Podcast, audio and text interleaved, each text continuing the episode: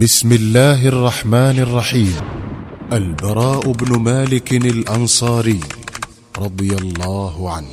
كان أشعث أغبر ضئيل الجسم معروق العظم تقتحمه عين رائيه ثم تزور عنه زورارا.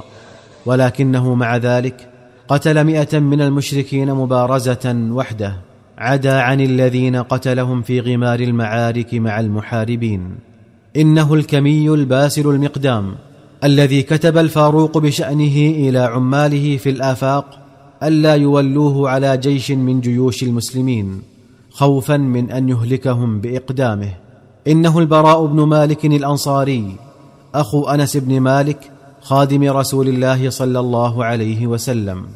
ولو رحت أستقصي لك أخبار بطولات البراء بن مالك لطال الكلام وضاق المقام. لذا رأيت أن أعرض لك قصة واحدة من قصص بطولاته وهي تنبيك عما عداها.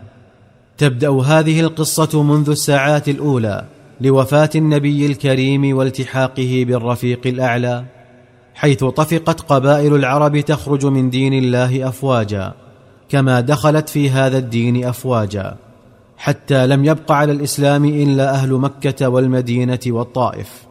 وجماعات متفرقة هنا وهناك ممن ثبت الله قلوبهم على الإيمان. صمد الصديق رضوان الله عليه لهذه الفتنة المدمرة العمياء صمود الجبال الراسيات. وجهز من المهاجرين والأنصار أحد عشر جيشا.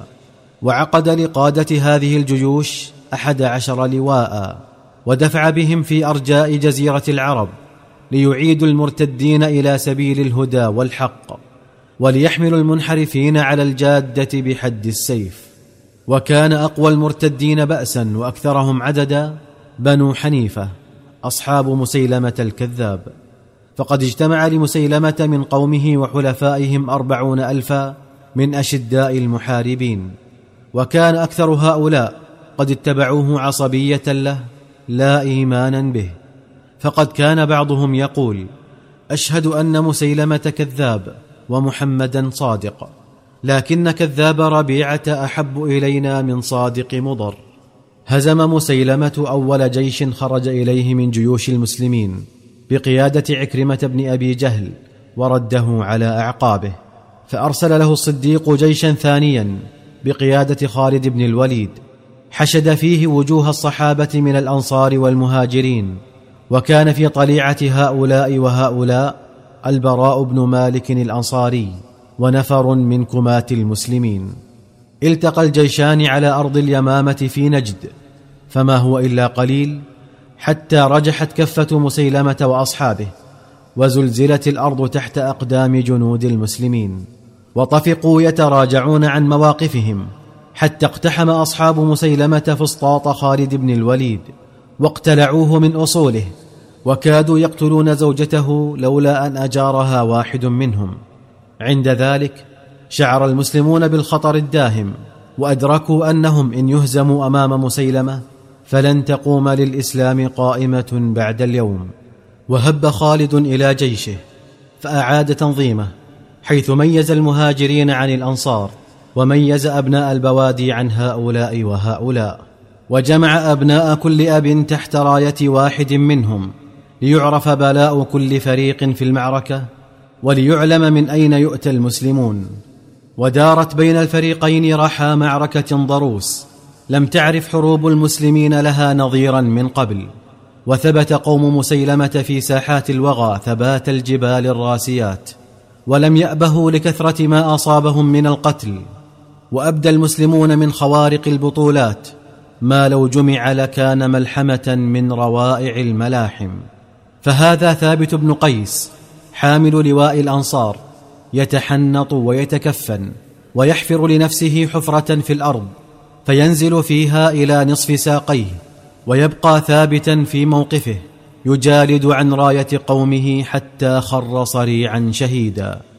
وهذا زيد بن الخطاب أخو عمر بن الخطاب رضي الله عنهما ينادي في المسلمين أيها الناس عضوا على أضراسكم واضربوا في عدوكم وامضوا قدما.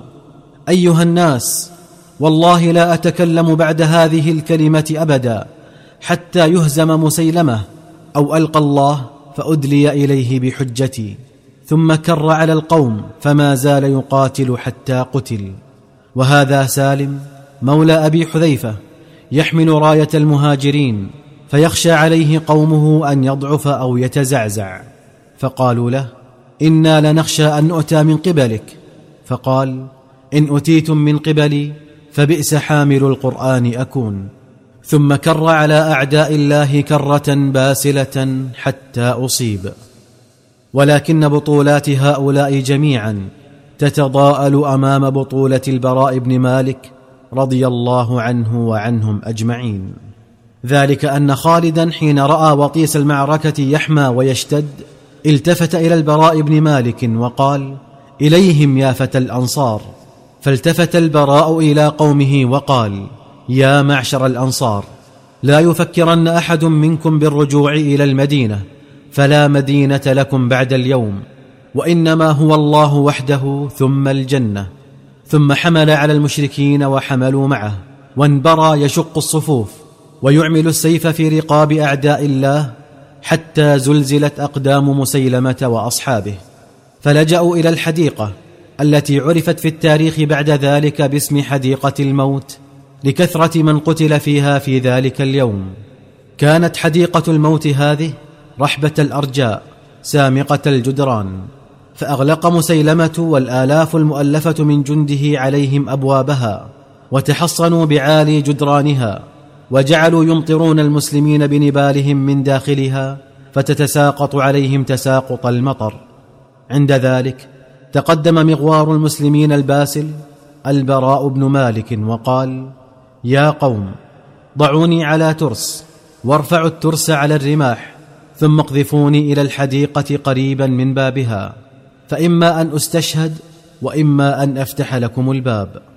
وفي لمح البصر جلس البراء بن مالك على ترس فقد كان ضئيل الجسم نحيله ورفعته عشرات الرماح فألقته في حديقة الموت بين الآلاف المؤلفة من جند مسيلمة فنزل عليهم نزول الصاعقة وما زال يجاردهم أمام باب الحديقة ويعمل في رقابهم السيف حتى قتل عشرة منهم وفتح الباب. وبه بضع وثمانون جراحة من بين رمية بسهم أو ضربة بسيف. فتدفق المسلمون على حديقة الموت من حيطانها وأبوابها واعملوا السيوف في رقاب المرتدين اللائذين بجدرانها حتى قتلوا منهم قريبا من عشرين الفا ووصلوا إلى مسيلمة فأردوه صريعا. حمل البراء بن مالك إلى رحله ليداوى فيه. وأقام عليه خالد بن الوليد شهرا يعالجه من جراحه حتى أذن الله له بالشفاء وكتب لجند المسلمين على يديه النصر. ظل البراء بن مالك الأنصاري يتوق إلى الشهادة التي فاتته يوم حديقة الموت. وطفق يخوض المعارك واحدة بعد أخرى شوقا إلى تحقيق أمنيته الكبرى وحنينا إلى اللحاق بنبيه الكريم. حتى كان يوم فتح تستر من بلاد فارس. فقد تحصن الفرس في إحدى القلاع الممردة فحاصرهم المسلمون وأحاطوا بهم إحاطة السوار بالمعصم. فلما طال الحصار واشتد البلاء على الفرس جعلوا يدلون من فوق أسوار القلعة سلاسل من حديد. علقت بها كلاليب من فولاذ حميت بالنار حتى غدت أشد توهجا من الجمر.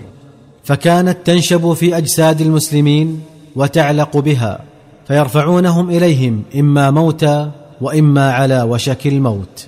فعلق كلاب منها بأنس بن مالك أخي البراء بن مالك.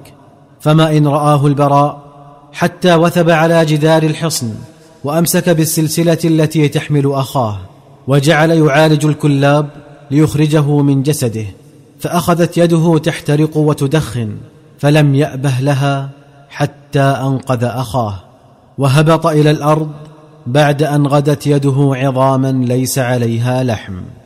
وفي هذه المعركة دعا البراء بن مالك الأنصاري الله أن يرزقه الشهادة فأجاب الله دعاءه حيث خر صريعا شهيدا مغتبطا بلقاء الله. نضر الله وجه البراء بن مالك في الجنة وأقر عينه بصحبة نبيه محمد عليه الصلاة والسلام ورضي عنه وأرضاه. لا تولوا البراء جيشا من جيوش المسلمين مخافة أن يهلك جنده بإقدامه. عمر بن الخطاب.